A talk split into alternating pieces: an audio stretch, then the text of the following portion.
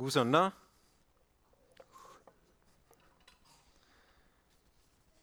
Når jeg satt der nede, så tenkte jeg på en tale jeg hadde hørt fra Geir Stormås, pastor i Philadelphia, Vennesla.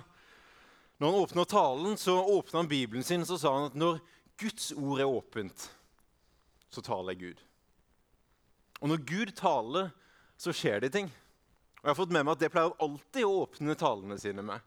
Og det er noe sant med det. og Det er den troa vi står her i dag. Og vi kommer sammen for at vi tror at det her er ordet.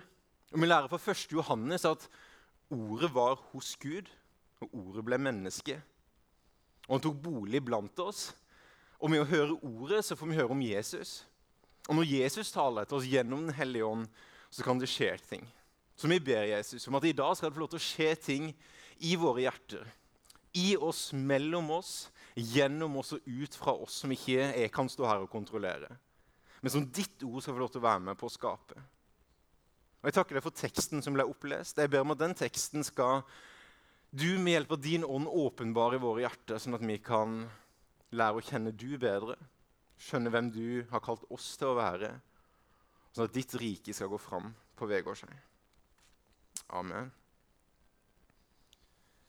I den teksten som ble lest, er det et bibelvers som er hovedgreia i talen i dag. Og som jeg tror er et profetisk ord over landet vårt og over bygda vår. Og det er Johannes 4, 35. Jesus sier til disiplene at dere sier ennå er det fire måneder til innhøstning. Men jeg sier dere, løft blikket og se på markene. De står alt hvite mot høst. Når på, når Matteus henviser det på en annen måte I Matteus 9 så sier Jesus til disiplene Høsten er stor, men arbeiderne få. Be derfor høstens herre sende ut arbeidere for å høste inn grøden hans. Og Jeg syns dette er fryktelig utfordrende ord. For jeg er ikke noen innhøster. Jeg er ikke noen evangelist. Når jeg har tatt de nådegavetestene, så ender en lavest på evangelisering. Jeg er heller en lærer og en som liker å disippelgjøre, så det utfordrer meg. Så denne talen er til sånne som, er, sånne som noen av oss, som ikke det her ligger helt naturlig for. Men jeg tror likevel vi er i en tid der vi alle skal få lov til å være med på innhøsting. For dette oppdraget er ikke til noen spesielle. Jeg er veldig glad for det vi kan lese om i Efeserne 4. At Gud har innsatt noen oppgaver i menigheten. Noen roller. At han har innsatt evangelister, hyrder, apostler og profeter eh, og lærere for å være med å utruste sin kropp. Så for eksempel, når jeg fikk lov til å jobbe med Knut et år, og han kommer inn engasjert på kontoret etter at han leda inn til frelse på gamlehjemmet, eller jeg hadde en prat med noen der, og han hadde en evangelistisk nådegave, så gjør det noe med meg. Jeg får meg lyst til å prate med mennesker om Jesus. Eller når jeg er i kontakt med folk som har lærergaven eller hyrdegaven, så påvirker det meg. Og Det står der i Efeserne 4 at han har satt de her rollene inn i menigheten for å utruste oss til full modenhet i Kristus. Så det er bra å være rundt sånne mennesker. Koble seg på kroppen og koble seg på fellesskapet. Så hvis du lurer på hvorfor du er her i dag, kanskje det er derfor. For å bli utrusta til å bli mer lik Jesus. Og det er ikke sikkert at du blir så utrusta for å bli en evangelist, men kanskje vi kan bruke den teksten som vi hørte opplest, til å lære åssen kan vi å, tilnærme oss det. Og forberede oss på en høst som er moden. For jeg tror det er en moden høst på seg. Og hvis det står et epletre som er modent, så er det forskjellige måter å høste den frukten på. Noen ganger så kan du sparke tre, til et tre og, og, riste litt i det. Altså, dette er fruktene. Og På Vegårshei er folk blitt litt rista i siste tida. Noen ganger så detter bare frukten ned av seg sjøl, og så må vi passe på å ta vare på den så det ikke råtner. Og noen ganger må vi gå og plukke det.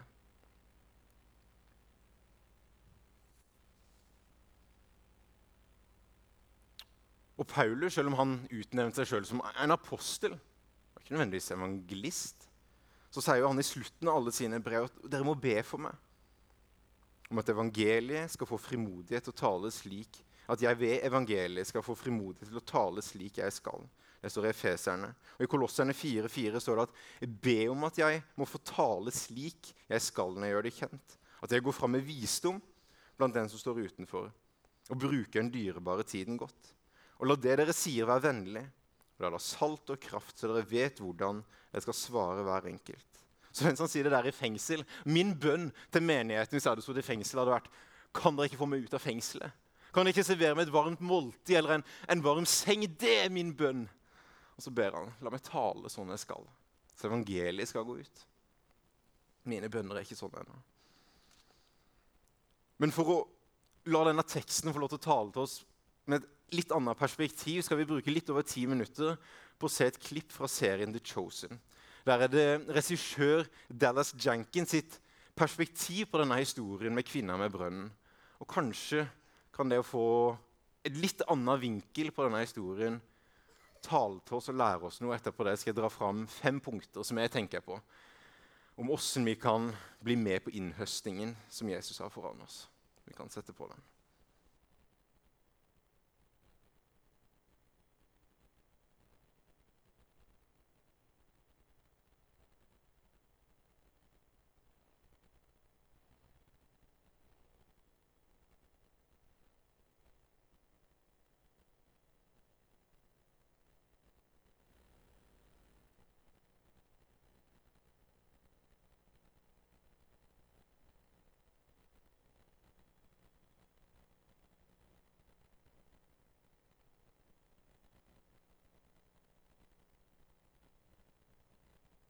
Where are you going? Do you need something? This way, friends. I'm sorry, but the map shows that Jezreel is two miles southeast of here and is met by a road east of the Jordan. We need to adjust our course 30 degrees We're to... not going to the Jordan. We're going through Samaria. Are you telling a joke? There's a place there I want to stop. Plus, it makes our journey shorter by almost half. And our odds of violent attack more likely by double. Is that an exact figure? Forgive me, teacher, but it's safer to go around Samaria by way of the Jordan than at the Decapolis. Would you join me for safety reasons?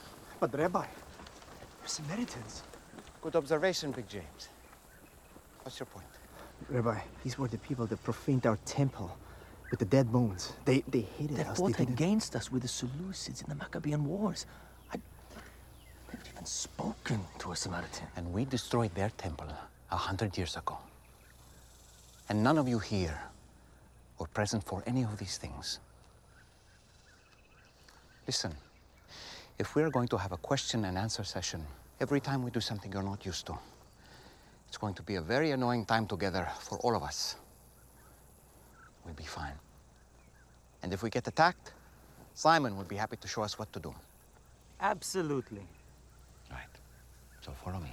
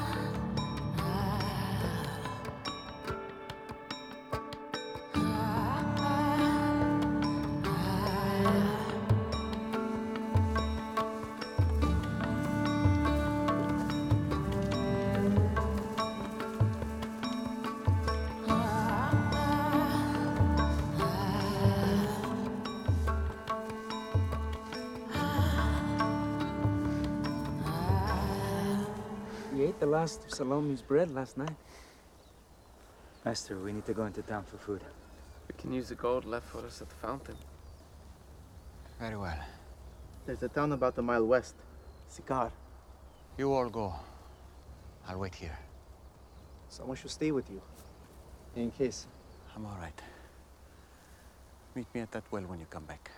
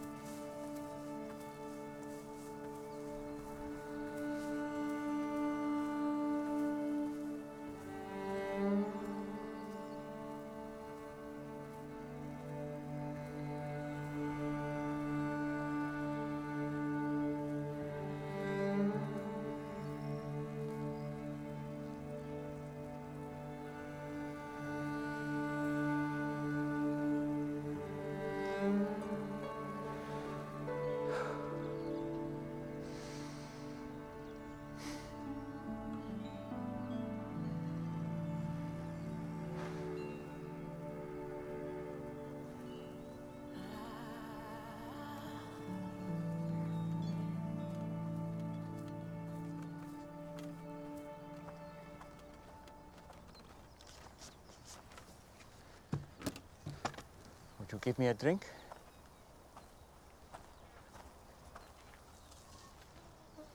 Did you hear me? That bad, huh? What? You, a Jew, ask for a drink from me, a Samaritan, and a woman. I'm sorry. I should have said please. You know, it's not safe for you to be alone out here. Nor you. Why haven't you come with others? Why so late in the day? Don't women come to the wells in the, the cool of the morning? Yeah, well, none of them will be seen with me, so I have to come at noon, in the heat, as you have so kindly reminded me. Why won't they be seen with you? Long story. I'd, I'd still like a drink of water if you can spare it. Amazing what a parched throat will do. Aren't I unclean to you? Won't you be defiled by this vessel? Maybe some of my people say that about your women, but I don't. Yeah? And what do you say? I say if you knew who I am, you'd be asking me for a drink. Really? And I would give you living water. Would. Except that you have nothing to draw water with, and this is a deep well. Besides, what do you need from me if you have your own supply of living water? Long story. But Jewish water is better than Samaritan water. hmm? That's not what I said. Are you a better man than our ancestor Jacob, who dug this well? Your water is better than his? I know Jacob. And everyone who drinks this water will thirst again. But whoever drinks the water that I give him will never be thirsty again. Wouldn't that be nice? The water I give will become in a person a spring of water welling up to eternal life. Really? Yes, really. Prove it. First, go and call your husband and come back. I will show you both. I don't have a husband. You are right. You've had five husbands. And the man you're living with now is not your husband. oh, I see. You're a prophet.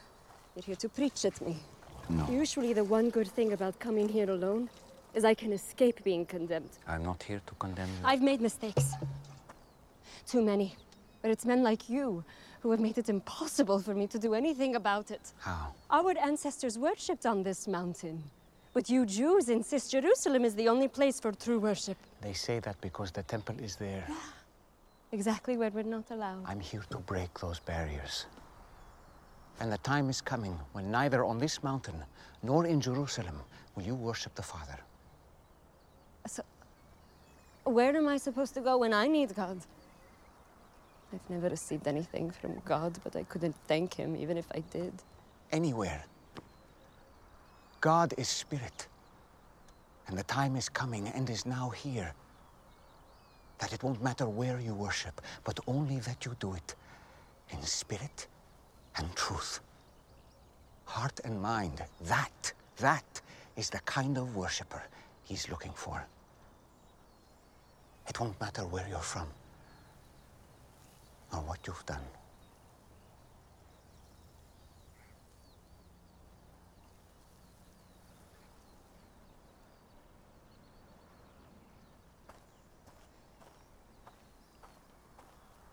Do you believe what I'm telling you?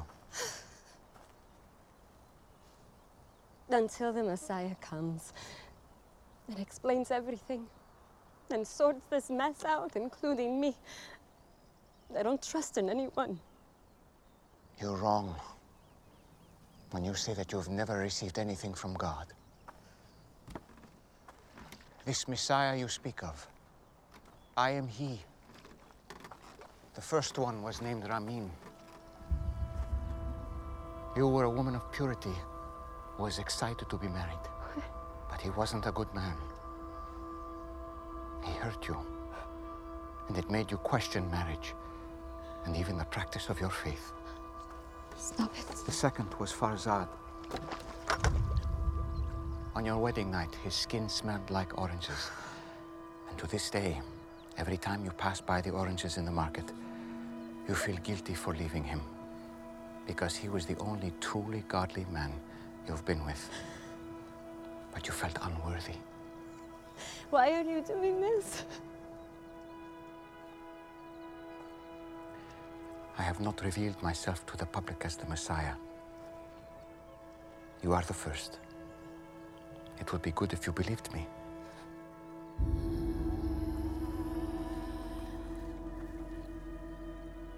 Picked the wrong person. I came to Samaria just to meet you. Do you think it's an accident that I'm I'm here in the middle of the day? I am rejected by others. I know. But not by the Messiah.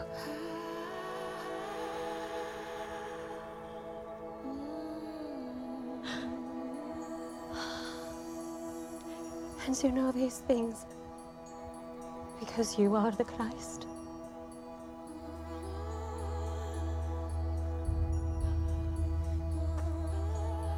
I'm going to tell everyone. I was counting on it. Spirit and truth. Spirit and truth. It won't be all about mountains or temples. Soon, just the heart. You promise. I promise. This man told me everything I've done. Oh, he must be the Christ!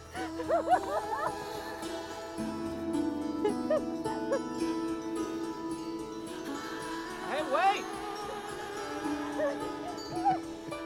Your water! You forgot your um.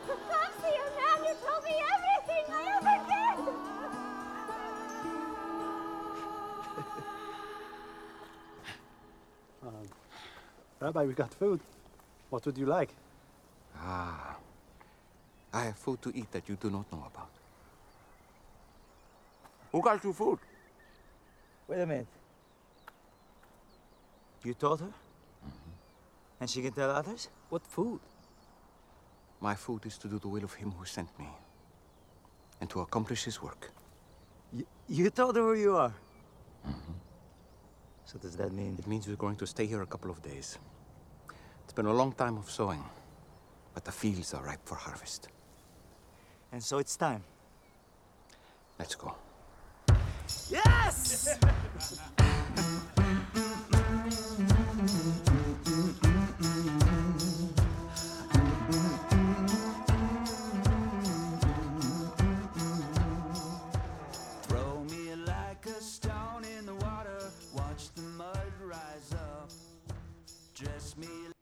Eh, en bra serie dere kan se sammen med noen i sommer.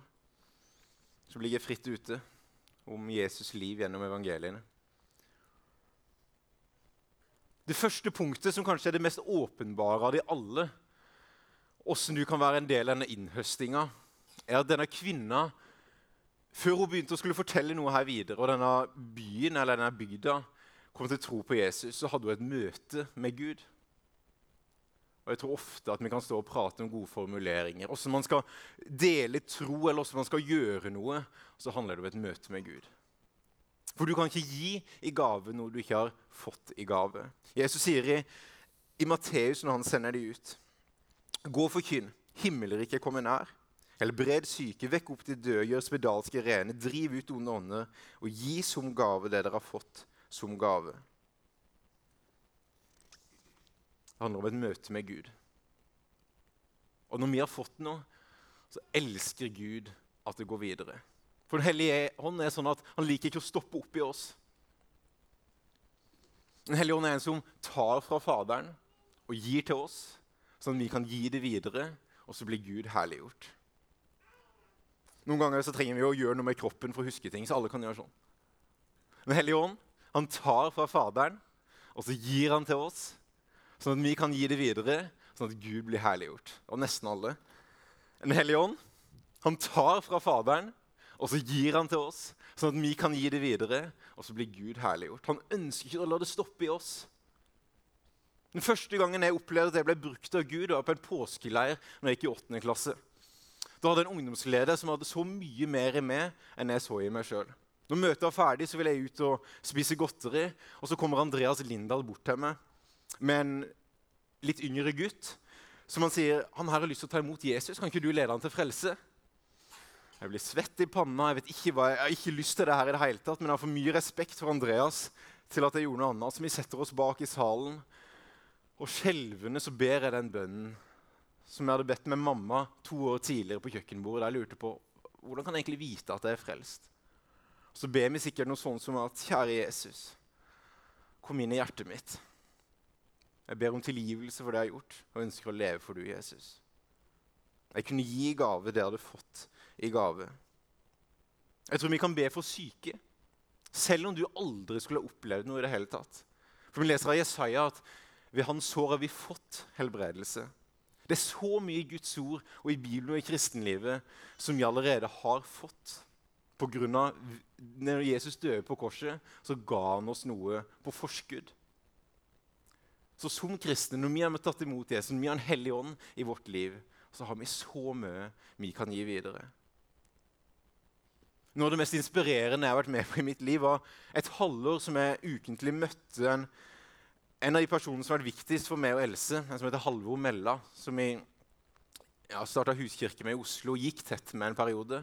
Og han har vært syk i over ti år og ligget flatt på en seng veldig mye av den perioden. Og det halvåret så hadde han så vidt krefter til å gå på butikken en gang om dagen. Men da var målet hans å komme seg til butikken. det var det ene. Og så skulle han takke Gud for at han klarte det, og skulle han ødelegge for djevelen på veien. Så på vei til butikken så hadde, møtte han nesten alltid en person som han ba for, eller hadde kunnskapsord til. Og han opplevde nesten daglig å se folk helbreda.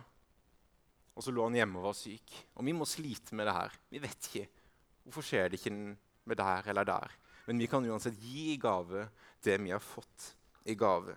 Om det er latteren din eller penger eller talentene dine, så kan vi gi videre. Og det vi har fått Den hellige ånd er faktisk ganske attraktivt.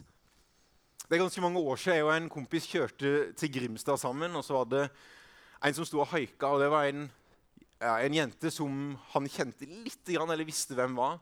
Og satte seg inn og så prata hun med, en stund, med oss en stund. Og så sier hun etter hvert at ah, i bilen her var det skikkelig god karma. Og så er han litt mer kjapp i replikken enn det var at nei, han heter ikke Karma, han heter Jesus. Og det du merker nå, er Den hellige ånd.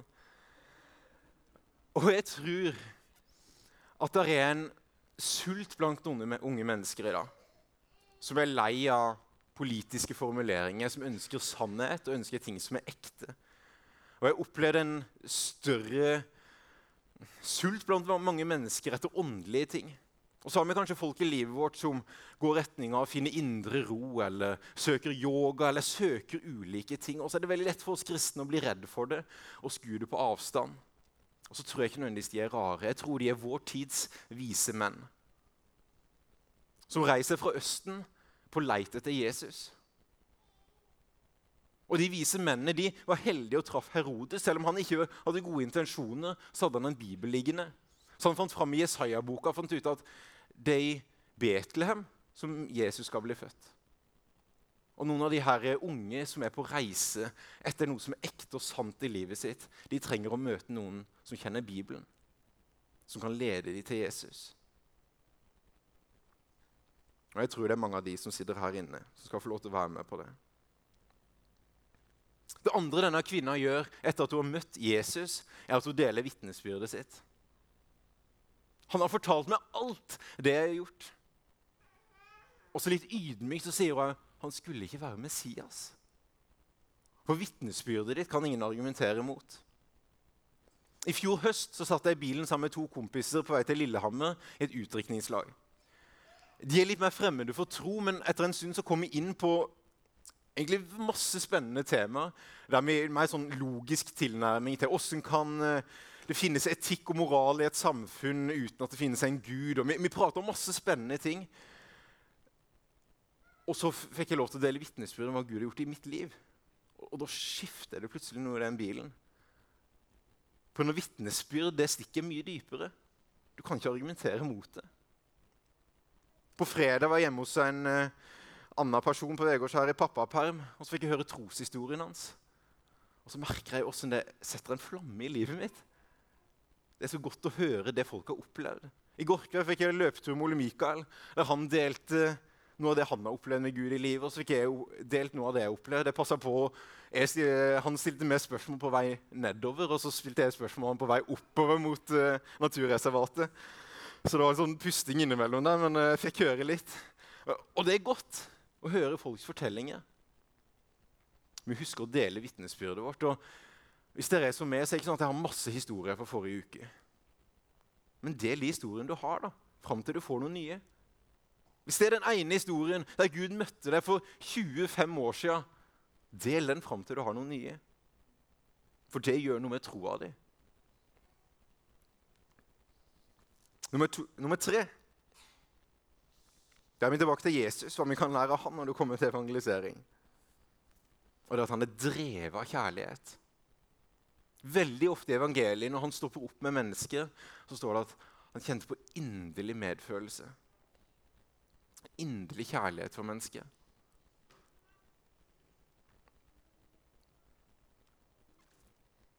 Og Når det kommer til Den hellige ånd, så det, tror jeg det er det Den hellige ånd har lyst til å gjøre i oss. Når han kommer inn i livet vårt, så leder det til en inderlig medfølelse for mennesker rundt oss. Hvis en tenker tilbake på pinse, da, når de ble fylt av Den hellige ånd De har tidenes møte, det får de flamme på hodet og sikkert har masse kule følelser i kroppen. Og jeg tror jeg hadde tenkt da ok, vi møtes samme sted, samme tid i morgen, og så skal det bli enda bedre. Det var ikke det Den hellige ånd ville. Den hellige ånd vil ut. Ut på gata og begynne å fortelle det her er for alle mennesker. De ble drevet av kjærlighet. I høysangen jeg er blitt fascinert over den relasjonen som går gjennom hele Bibelen mellom Kristus og kirka. Det er noe av den røde tråden vi finner igjen overalt. At Jesus har denne lengselen etter sin brud. Og den får vi forklart og sett veldig tydelig i høysangen. Selv om det er en, et brev mellom mann og kvinne, så er det et bilde på Kristus og kirka. Og etter at denne relasjonen her er med å utvikle seg, så ser vi i kapittel 5 at plutselig forsvinner brudgommen. Og så blir bruden helt desperat. Hvor er brudgommen? Hvor er han hen? Han har reist fra meg. Og så leiter hun overalt, og til slutt så finner hun han. Han har reist ut til markene, for han har noen, eh, noen vinmarker og noen marker med urter som han driver og tar seg av. Og det er ikke det at han har forsvunnet fra kvinna, men han ønsker at hun skal være med han. Lokke, lokke hun med seg på oppdrag. Og jeg tror for noen av oss så er dette et litt sånn sårt, men viktig ord. At kanskje har Jesus reist på oppdrag, og så er vi blitt sittende igjen. Og Kanskje er det derfor du kjenner at det er litt distanse i min relasjon til Jesus. At den der kjærligheten til Jesus som jeg skulle ønske den brannen jeg skulle ønske jeg hadde, eller som jeg hadde før, den er litt mer på distanse. I Efeserne så lærer vi det, for der kritiserer Jesus Efesermenigheten. Selv om det er et kjempebra rulleblad, sier han dere har forlatt deres første kjærlighet. Er det sånn at de skal begynne å lese de gamle bøkene? Nei. Bli, reise på noen nye møter eller passe på at de blir inspirert på nytt? Eller, nei, De skal begynne å gjøre de tinga de gjorde før. Et av de vitnesbyrdene fra Vigeland, og det er ganske mange vitnesbyrd fra Vigeland for tida, men som berørte meg mest, som jeg tror har litt sånn profetisk betydning, er at jeg leste en lokalavis om Gunnar på 50, som ikke hadde vært i bedehuset på over 15 år. Tatt litt avstand. Det var ikke noe spesielt, han hadde bare ikke vært der. Men nå var han tilbake som parkeringsvakt. Så var det et eller annet der som bare berørte meg. For Gunnar på 50 hadde tydeligvis opplevd et eller annet, og så hadde han gått tilbake for å tjene på den måten han kunne tjene på. Og når du er tilbake i tjeneste med Gud, tilbake til oppdrag med Jesus, så gjør det ofte noe med din gudsrelasjon. Jeg tror Jesus kaller oss med til å være med på innhøsting. Nummer fire er at hun peker ikke på seg sjøl. Hun peker videre på Jesus. Først forteller hun det Jesus har gjort. Og så Han er der. Gå ut og se til ham. Og Noen ganger når vi er i møte med mennesker, så tror jeg vi må huske på at i beste øyeblikkene våre så er vi en skikkelig dårlig utgave av Jesus. Så de kan se noe av Jesus i oss. Og så trenger vi å peke dem videre. En eh, som var i min kollokviegruppe da jeg studerte til å bli lærer, som heter Stine. Hun begynte på studiet der hun ikke hadde noe forhold til kristen tro. Og I løpet av et års tid så var merka at hun hadde enormt mye spørsmål. Og kunne egentlig bare sitte og høre og høre. Og høre, og jeg kunne ha bare brukt den tida på å fortelle og fortelle. Og fortelle. Og så merka at nå er det visdom i å være litt mer stille. Og Istedenfor å svare på så mye spørsmål så ga jeg en, en bok av Rick Warren, 'Målretta liv'. Sånn at det ikke bare med å få høre Jesus gjennom, men å få høre noen andres perspektiver òg, så er det litt mer. Og Etter hvert så ble hun en del av vennegjengen vår, sånn at hun kunne se hvordan det så ut i et fellesskap. Og Litt seinere tar hun imot Jesus og blir en kristen pga. det her appellerte til henne. Hun fikk sett litt mer av Kristi kropp. og Derfor dette fellesskapet er viktig. For når folk kommer i møte med fellesskapet, så kan de se mer av hvem Jesus er. Det står at, eller Jesus sier at det er i kjærligheten til de hellige at folk skal se at vi er hans disipler. Så vi passer på å peke folk videre. Og Det siste vi sier noe om, eller nummer fem er at Jesus blir med her. Han reiser ikke bare videre. For trosvandring eller innhøsting er ikke et engangsevent. Det er en vandring. Et vennskap blir ikke til på ett øyeblikk. Det blir til over tid. Og Paulus skriver at 'jeg plantet, Apollos vannet, men Gud ga vekst'. Derfor er det ikke noe, verken de som planter eller de som vanner, men bare Gud som gir vekst. Og Kanskje får du være med på et lite øyeblikk i folks trosvandring. Og det skal vi sette enormt stor pris på. I fjor sommer så hadde vi to stykker boende hjemme hos oss i anledning et bryllup. Og i det bryllupet vi var i, så, så kom han ene bort til meg sånn i tolv-halv ett-tida om natta. Og Han hadde et litt distansert forhold til kristen tro, vokste opp i et ateistisk hjem der det egentlig mobba det å være kristen. Det var bare destruktivt for samfunnet. Og så hadde han sjøl fått en opplevelse med Gud det siste året. Og så kommer han bort til meg da i halv ett-tida om natta. Kunne jeg fått lov til å prate litt med deg om Jesus? og så får jeg lov til å være med på en liten sånn del av hans trosvandring som begynte en måned tidligere, da han i statskirka hadde gått til nattvær. Og Mens han sto i nattværskøen for å ta imot nattvær, så hadde han fått en opplevelse at Gud møtte han, og at der i den nattværskøen så sto alle like framfor Gud. Var ikke forskjell lenger. Men alle var akseptert i den køen for å ta imot Jesus. Vi er en del av folks vandring. Og så er det én ting vi må legge på på slutten. for Man kan si mange ting om hvordan man skal tenke innhøstning, hvordan man skal ah, være en hverdagsmisjonær. Men jeg tror altfor ofte i vestlig forkynnelse så glemmer vi kanskje det viktigste i denne ligninga og det å huske på at mennesker går fortapt. Ofte så glemmer vi det perspektivet. Og det er med det perspektivet at vi skjønner at det er faktisk en himmel og et helvete. At vi òg skjønner at vi må være med på dette oppdraget. Det er livsviktig. Det gjelder oss. Det er seriøst, det vi holder på med. Det handler om evig liv.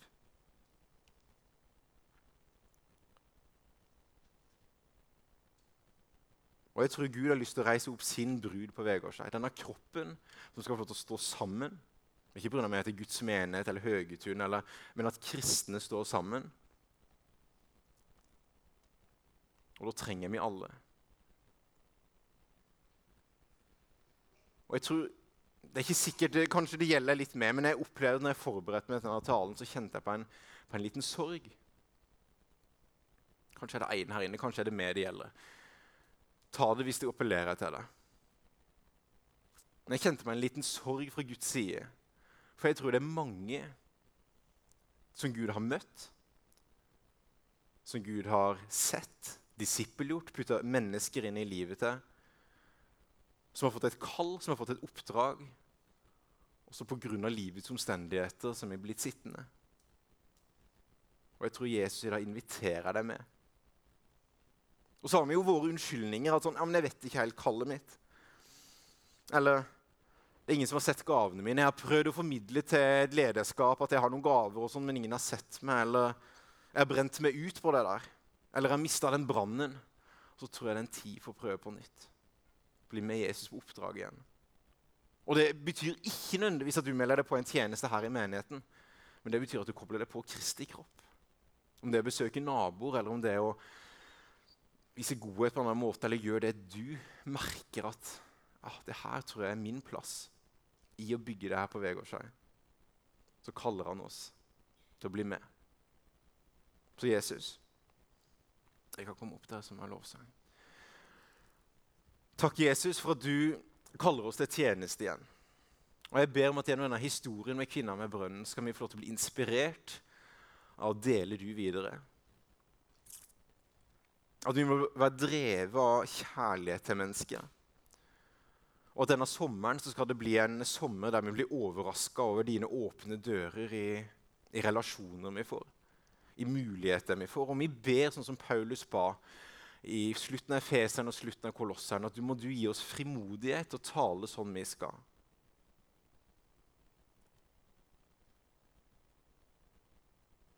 I Jesu navn. Amen.